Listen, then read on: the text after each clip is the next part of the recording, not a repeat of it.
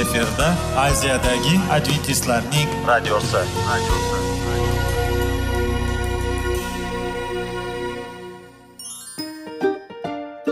Assalomu alaykum aziz radio tinglovchilar. Sog'liq daqiqasi rubrikasiga xush kelibsiz. Zero tananing sog'lom bo'lishi va uning kasalliklardan saqlash har bir insonning burchi hisoblanadi. Inson uchun bebaho boylik bu sog'liq salomatlikdir. Uni asrash esa har birimizga omonat qilib berilgan. Shuning uchun ham inson o'z sog'lig'ini ehtiyot qilishi va ajib amallardan hisoblanadi. Dono xalqimiz sog'liq tuman boylik deb bejiz aytmagan. Aql idroq sohibi bo'lgan inson o'z hayotini qadrlashi lozim bo'ladi. Hozirgi kunda qanchalik dori darmonlar ko'paymasin tibbiy muassa sifati shifokorlar vasiyasi tibbiy texnika yaxshilanmasin. Agar insonning o'z salomatligi haqida qayg'urmasa kutilgan natijaga erishib bo'lmaydi va biz sizlarga bizning dasturimizga xush kelibsiz deymiz.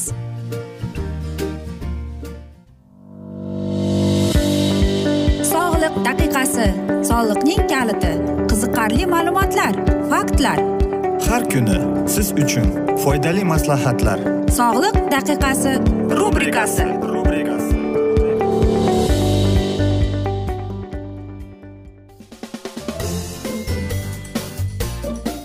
assalomu alaykum aziz radio tinglovchilar. Dasturimizga xush kelibsiz va biz sizlar bilan tana va sog'liq degan dasturda xushvaqt bo'ling deb aytamiz.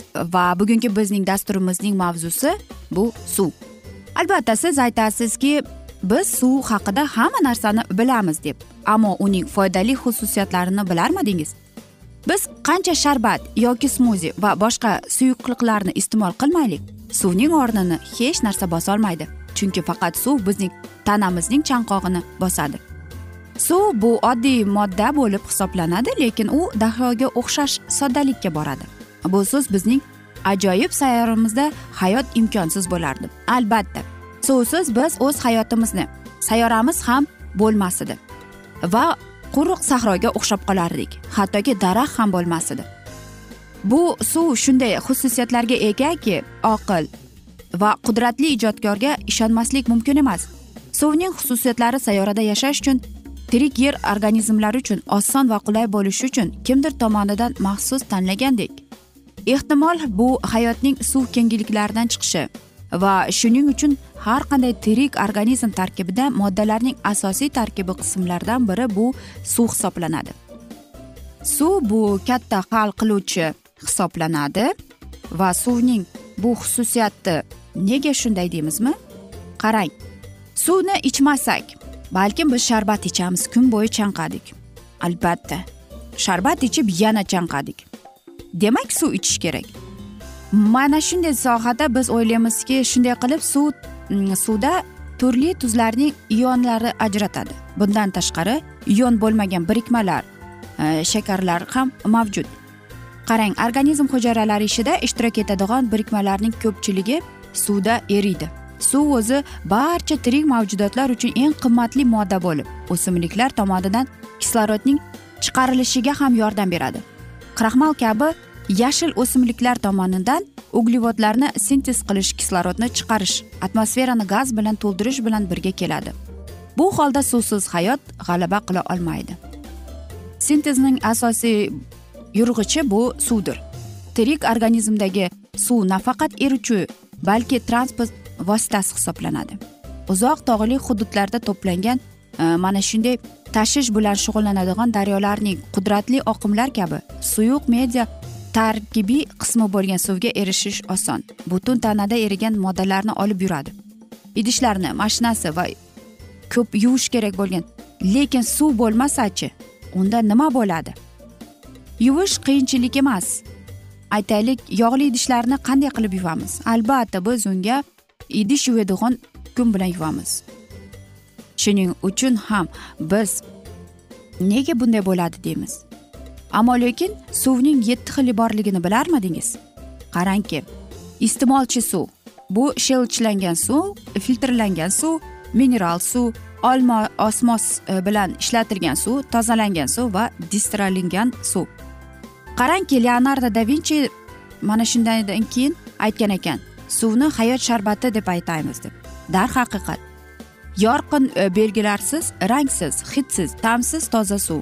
U o'simliklarning tanasi orqali hayvon va odamlarning tomirlari va hujayraylariga oqib o'tadi. Hayotning yo'qolishiga yo'l qo'ymaydi. Bu aytish yetarli emas. Suv hayot uchun zarur deb. Suv hayotning o'zi. Tirik organizmning e, sho'r ulushi suvdir. Yangi tug'ilgan chaqaloq sakson foizi suvdan bo'lib e, ya'ni u yangi terilgan bodringga o'xshaydi. Shuning uchun ham bodring ham chaqaloq ham bunday yoqimli tetiklantiruvchi hidga ega ekan. Yillar davomida inson suv zaxiralarining o'n yigirma foizini yo'qotadi. Shuning uchun yuz ajinlar bilan qoplana boshlaydi va keksalar kun to'qadi. Organizmda suv talab katta talab bo'lgani uchun uning zaxiralarini doimo to'ldirib turish kerak. Kattalarning suvga bo'lgan eng kamlik sutkalik talabi o'rtacha bu aytaylik bir yetti yuz millilitr ya'ni bir yarimdan oshgan tashkil etadi litrni. Bu ehtiyoj ichimlikdir. Suv qahva choy sharbat kompot bilan ta'minlanadi va oziq ovqat ya'ni sabzavot meva baliq va go'sht. Va suvning bir qismi bu yog'lar aksillar uglevodlarni oksidlash paytida tananing o'zi tomonidan ishlab chiqariladi. Taxminan bir xil miqdordagi suv har kuni tanadan chiqariladi. Odamlar qachon qachon ichish kerakligini bilishlari uchun mana shunday ijodkor inson miyasi gipotalamus bo'linmalaridan birida ichimlik markazini ta'minlaydi. Lekin markaz faqat tanaga suv kerak degan buyruqni va u kishining o'ziga ishonib topshirilgan ichimlik turini tanlashni beradi. Har bir narsada shunday bor. Biror narsa qodir tomonidan insonga berilgan. Lekin ular har bir kishining taqdiri bog'liq bo'lgan tanlov oldiga qo'yiladi. Shunday qilib siz barcha qiyinchiliklar siz uchun xudoni ayblamaysiz lekin sinov va xato orqali to'g'ri tanlov qilishni o'rganasiz. Yuqoridagi mana shunday usullarni ko'rib eshitib suv haqidagi men o'ylaymanki siz mana shu narsalardan foydalanib kelasiz. Chanqoqni qondirish uchun esa eng yaxshi usul bu. Albatta muntazam. Toza suv quruq mevalar va go'l kestirib qizil e, smorodina klyukva meva kabi ichimliklar yashil choy kam yog'li fermentlar sut ichimliklardan foydalanasiz deb umid qilamiz. Agar ichimlikda ikki foizdan oshiq shakar bo'lsa ular sizning chanqog'ingizni bosmaydi. Agar meva yoki yog'li oziq ovqat yegan so'ng e, sovuq suv ichishingiz qilmang va oziq ovqat doimiy ichimlik bilan birga bo'lsa hazm sekinlashadi. Aziz do'stlar mana shunday asnoda biz bugungi dasturimizni afsuski yakunlab qolamiz chunki dasturimizga vaqt birozgina chetlatilgani sababli. Ammo lekin keyingi dasturlarda albatta mana shu mavzuni yana o'qib eshittiramiz. Va sizlarda savollar tug'ilgan bo'lsa biz sizlarni salomat klub internet saytimizga taklif qilib qolamiz. Va biz umid qilamizki siz bizni tark etmaysiz deb chunki oldinda bundanda qiziq bundanda foydali dasturlar sizni kutib kelmoqda. Va albatta biz sizlarga va yaqinlaringizga sog'liq tilagan holda xayrlashib qolamiz.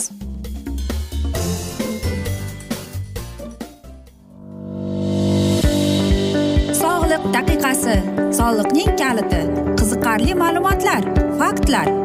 Har kuni siz uchun foydali maslahatlar. Sog'liq daqiqasi rubrikasi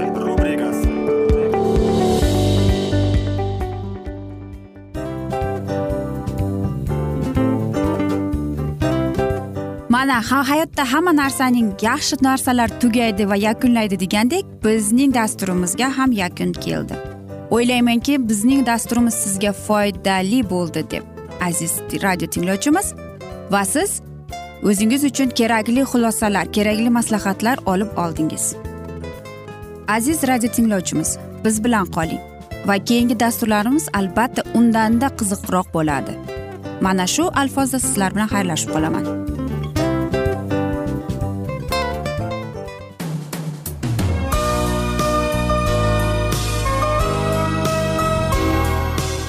Efirda aziyadagi adventistlarning radiosi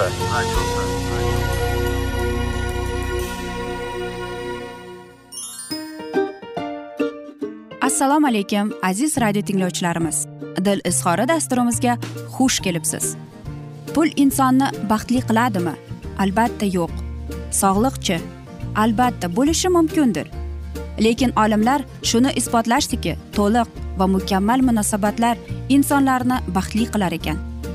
Albatta biz hayot davomida biz yaqin insonlar bilan odamlar bilan aloqada bo'lamiz va ular bilan munosabatlarimiz qanday kechadi qanday tuziladi? Yigit va qiz er va xotin ota ona va farzandlar va yaqin insonlar bilan. Balkim hozirgi vaqtda kimnidir hayoti yoki munosabatlari buzilyapti va bizning dasturlarimiz ularga yordam bo'ladi deb. Va oldinda sizlarni qiziqarli intervyular va mavzular kutyapti. Va biz umid qilamizki siz biz bilan qolasiz deb.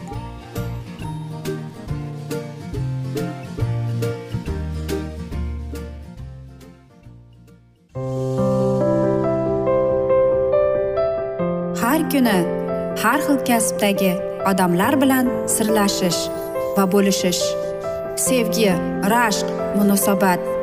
Bularni hammasi dil izhori rubrikasida.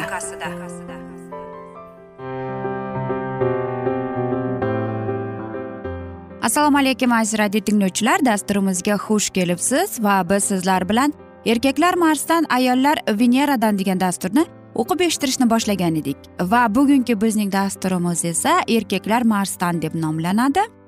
Albatta hammamiz ham bilamizki erkak kishi bu oilaviy munosabatlarda ayollarchalik talabchan emas.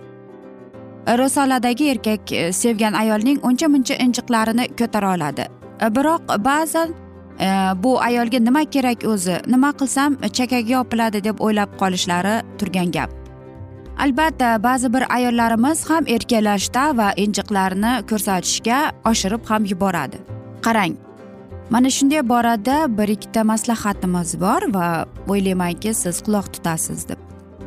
Birinchidan bu bir biringizdan nima istashingizga ayon bo'lish kerak. Ya'ni bir biringiz bilan bo'lishingiz kerak. Ayollar bor eriga onadek g'amxo'r bo'ladi. Ayollar bor ular o'lguncha yosh boladek erka. Shunday ayollar bor erga xuddi do'st o'rtoqdek va yana ayollar borki farmon bibidek hukm farmo xullas bir rosa har xilmiz. Biz e, ya'ni siz yoningizda kimni ko'rishni istaysiz? Mana shunday savol berib ko'ring. Qaysi turdagi ayol bilan bir umr hayot kechirishga tayyorsiz? Ana shu savollarga javobingiz bo'lishi kerak. Avval boshdanoq bir biringizdan nima kutayotganingizni bilsangiz tushunmovchiliklarni oldini oladi. Oilaviy ziddiyatlarning aksari juftlar e, bir biridan kutganlari oqlanmagani tufayli yuzaga keladi. Hafsala bir bo'lganidan yomoni yo'q. Shu sababli bo'lajak juftingiz bilan kelajak haqida samimiy suhbatlashib olishingiz kerak. Qarorni siz qabul qilishingiz kerak. Erkak kishi aniq ravshan fikrlaydi mas'uliyatli zimmasiga ola oladi va jur'atli va irodali. Ayollar tuyg'ular ta'sirida hayollarining ming ko'chasiga kirib chiqquncha erkak bir qarorga keladi qo'yadi albatta uning qarori muhokama qilinmaydi. Aytdimi tamom bajariladi degan emas.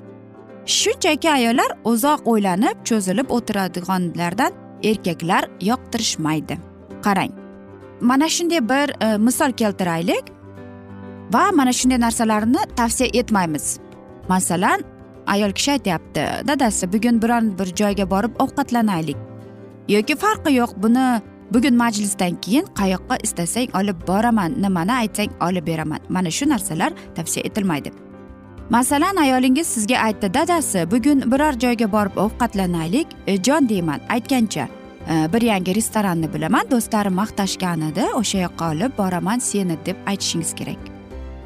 Va albatta ogohlantirmasdan yo'q bo'lib qolmang aziz erkaklarimiz ayollar xavotir. Va vahimaga moyil bo'ladi. Shuni bilib turib kutilmaganda qo'ng'iroq va smslarga javob bermay qo'ysangiz hamda odatdagidan kech qoladigan bo'lsangiz tabiiyki eng sovuqqon va aqlli ayol ham nima bo'ldi ekan?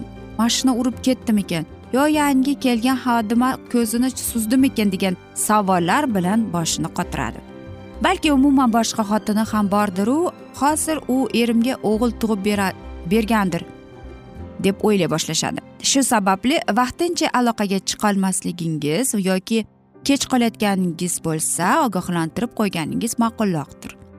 E, buzilgan narsalarni to'g'irlashni bilishingiz kerak. Aziz erkaklarimiz tasavvur qilingki bir uyum tozalanmagan sabzavotlar suyak e, sayoq go'sht va o't o'lanlardan biror soat ichida ayolingiz uch xil mazali taom pishirib kelsa qo'lingiz qanday yaraydi?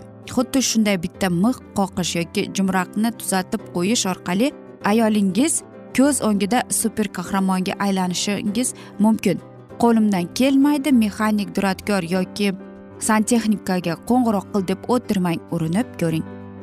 Aytmasidan bo'ling so'ramasidan muhayyo qiling deb maslahat beramiz. Ayollarning kayfiyati juda o'zgaruvchan bo'ladi. Har daqiqada yangilanib turadi aziz erkaklarimiz shuni yoddan chiqarmang. Ammo ma'lum muddat kuzatib yoringizni yaxshilab bilib olsangiz bu o'zgaruvchilikdagi e, ma'lum qonuniyatini ilg'ab olasiz. Masalan ob havo oy kunlari yoki g'iybatlar ta'sirida o'zgarishi mumkin bo'lgan kayfiyatni siz o'ta sezgir bir uskuna o'laroq boshqarib borishingiz mumkin. Oilaylik ayol kishi hayz oldi kunlarni jizzaki bo'lib qoladi. Yana shirinlikka ba'zilar aksincha achchiq sho'r narsalarga o'ch bo'ladi. Demak shu kunlari uyga u istagan narsalarni olib kelish janjal chiqarishga bo'lgan urinishlarni esa hazil bilan yengib o'tish talab qilinadi. Tanqid qilmang tanqidga o'xshamasin.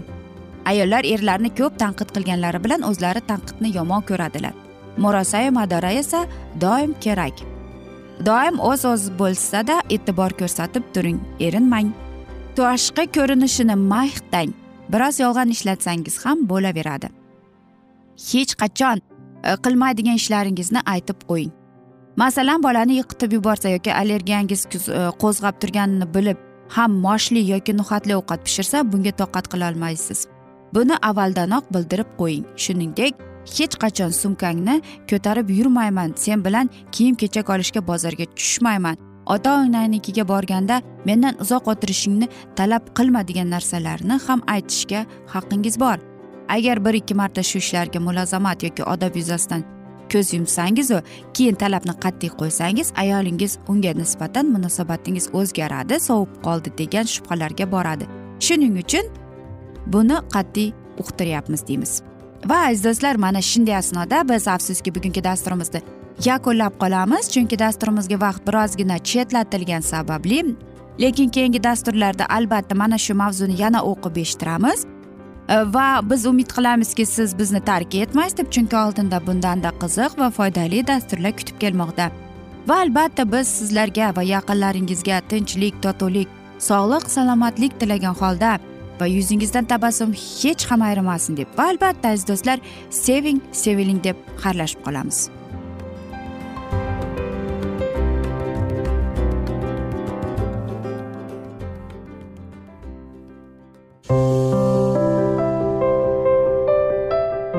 har kuni har xil kasbdagi odamlar bilan sirlashish va bo'lishish sevgi rashq munosabat bularni hammasi dil izhori rubrikasida. Mana aziz radio tinglovchimiz bizning go'zal va foydali va chiroyli dasturimiz yakunlanib bormoqda. Sizlarga birozgina maslahat berib o'tmoqchi edik. Bir biringizni seving. Qadringizga yeting. Va erkalang albatta bir biringizni va sizga judayam chiroyli va mustahkam munosabatlar tilab qolamiz albatta. Sevgilingiz doimo yoningizda bo'lsin. Mana shu borada sizlar bilan xayrlashib qolamiz. Xayr.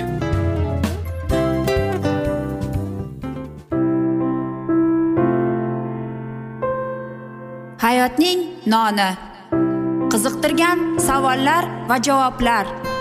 Buning hammasi ko'ngil uchun oziqa rubrikasida.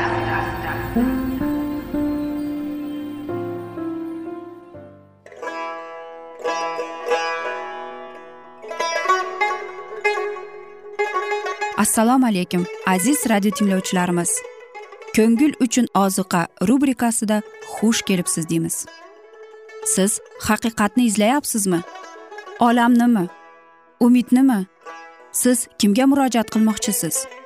Odamlar ko'pincha siyosat kuchiga tayanadilar. Dunyo iqtisodiyoti holati tobora chuqurlashib bormoqda. Tabiiy ofatlar va texnogen halokatlar minglab insonlarning hayotini olib ketib juda katta zarar yetkazmoqda. Sizga abadiy hayot inomini hadya qiluvchi va hayotingizni tubdan o'zgartiruvchi haqiqatni izlab toping. Xudo haqidagi haqiqat uning kalomida mujassamlashgan. Kimki bu haqiqatni butun qalbi bilan izlasa albatta unga yetishadi. Bu sevgi xudoning tarixidir. Hayotingizda yoki sizning yon atrofingizdagi olamda nimalar yuz berishidan qat'iy nazar? Siz ertagi kunga buyuk umid va ishonch hosil qilishingiz mumkin. Hozirda xudo sizga taklif qilayotgan umid ishonchga o'z qalbingizni oching va sizni qiziqtirayotgan mavzularni savollaringizga javoblaringizni topib olasiz deb umid qilamiz. Biz bilan qoling.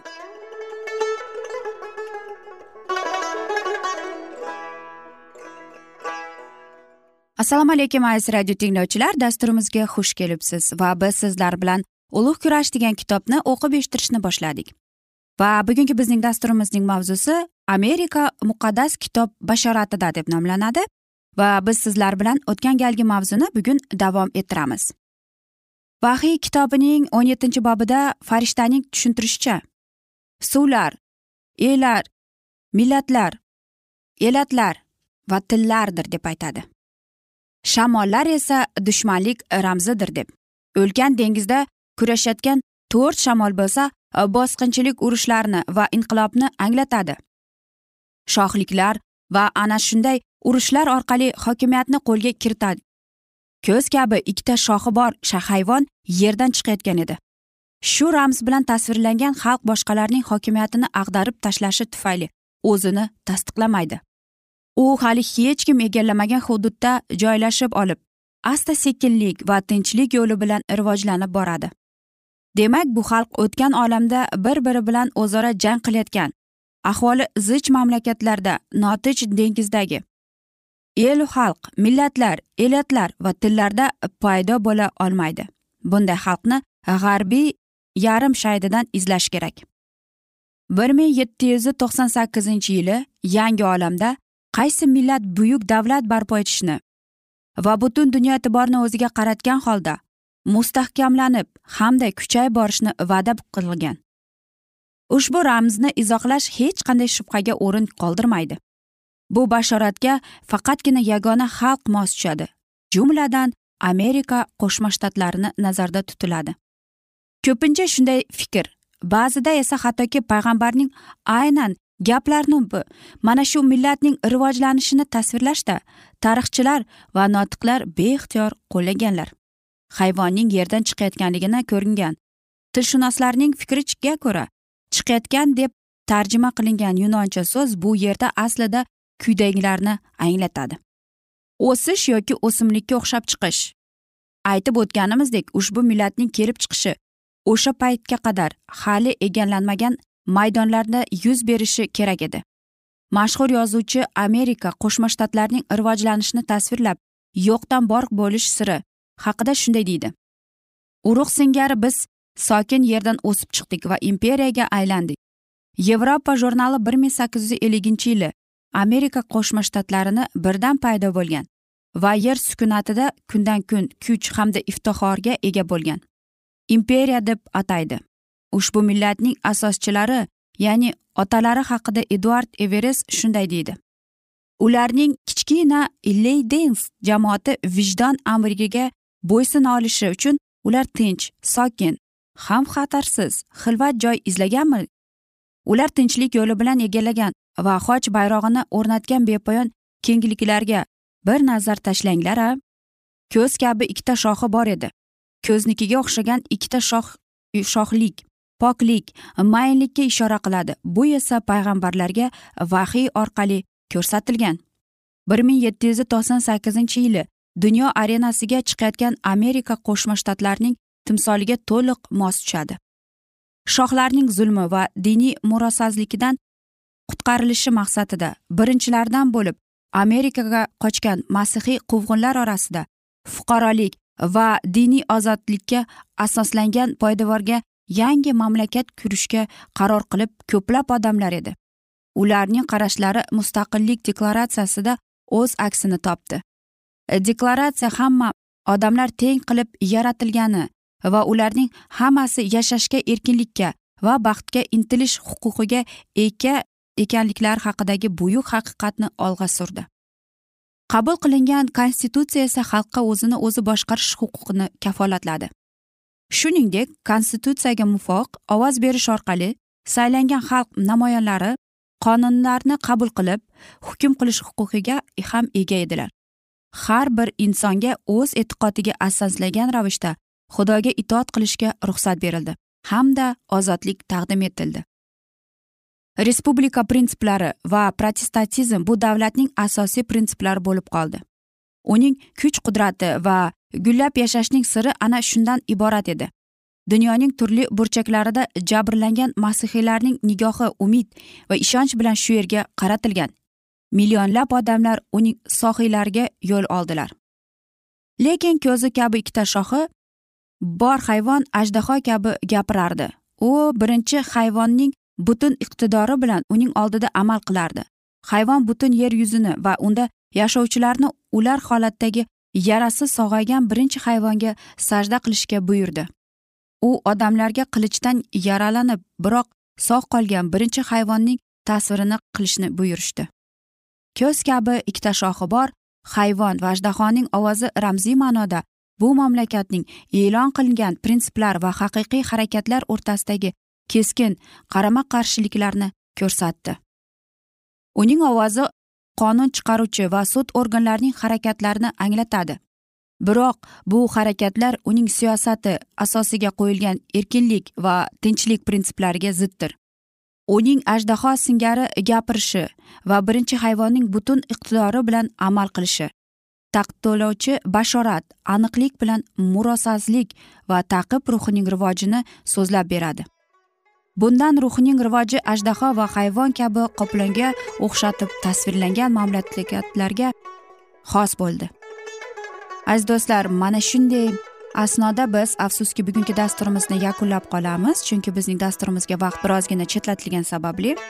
Ammo lekin keyingi dasturlarda albatta mana shu mavzuni yana o'qib eshittiramiz. Va sizlarda savollar tug'ilgan bo'lsa biz sizlarni adventis tochka ru internet saytimizga taklif qilib qolamiz. Va biz sizlarga va yaqinlaringizga sog'lik salomatlik tilab o'zingizni va yaqinlaringizni ehtiyot qiling deb xayrlashib qolamiz.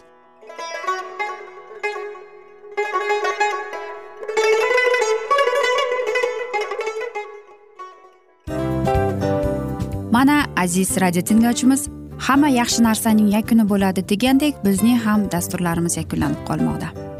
Aziz do'stlar o'ylaymanki bizning dasturlarimiz sizlar uchun judayam foydali bo'ldi deb bizning dasturlarimizdan siz o'zingizga foydali va judayam kerakli maslahatlar oldingiz deb. Masalan sog'liq borasida. Biz sizlarga sog'liq tilaymiz albatta lekin bizning maslahatlarimizga ham amal qilishga unutmang. Munosabatlarga kelganda bu munosabatlar chuqur va yaxshi bo'lishi uchun uni ustidan ishlash kerak albatta. Diniy masalaga kelsak aziz do'stlar bu judayam jiddiy va chuqur nazarni talab qiladi.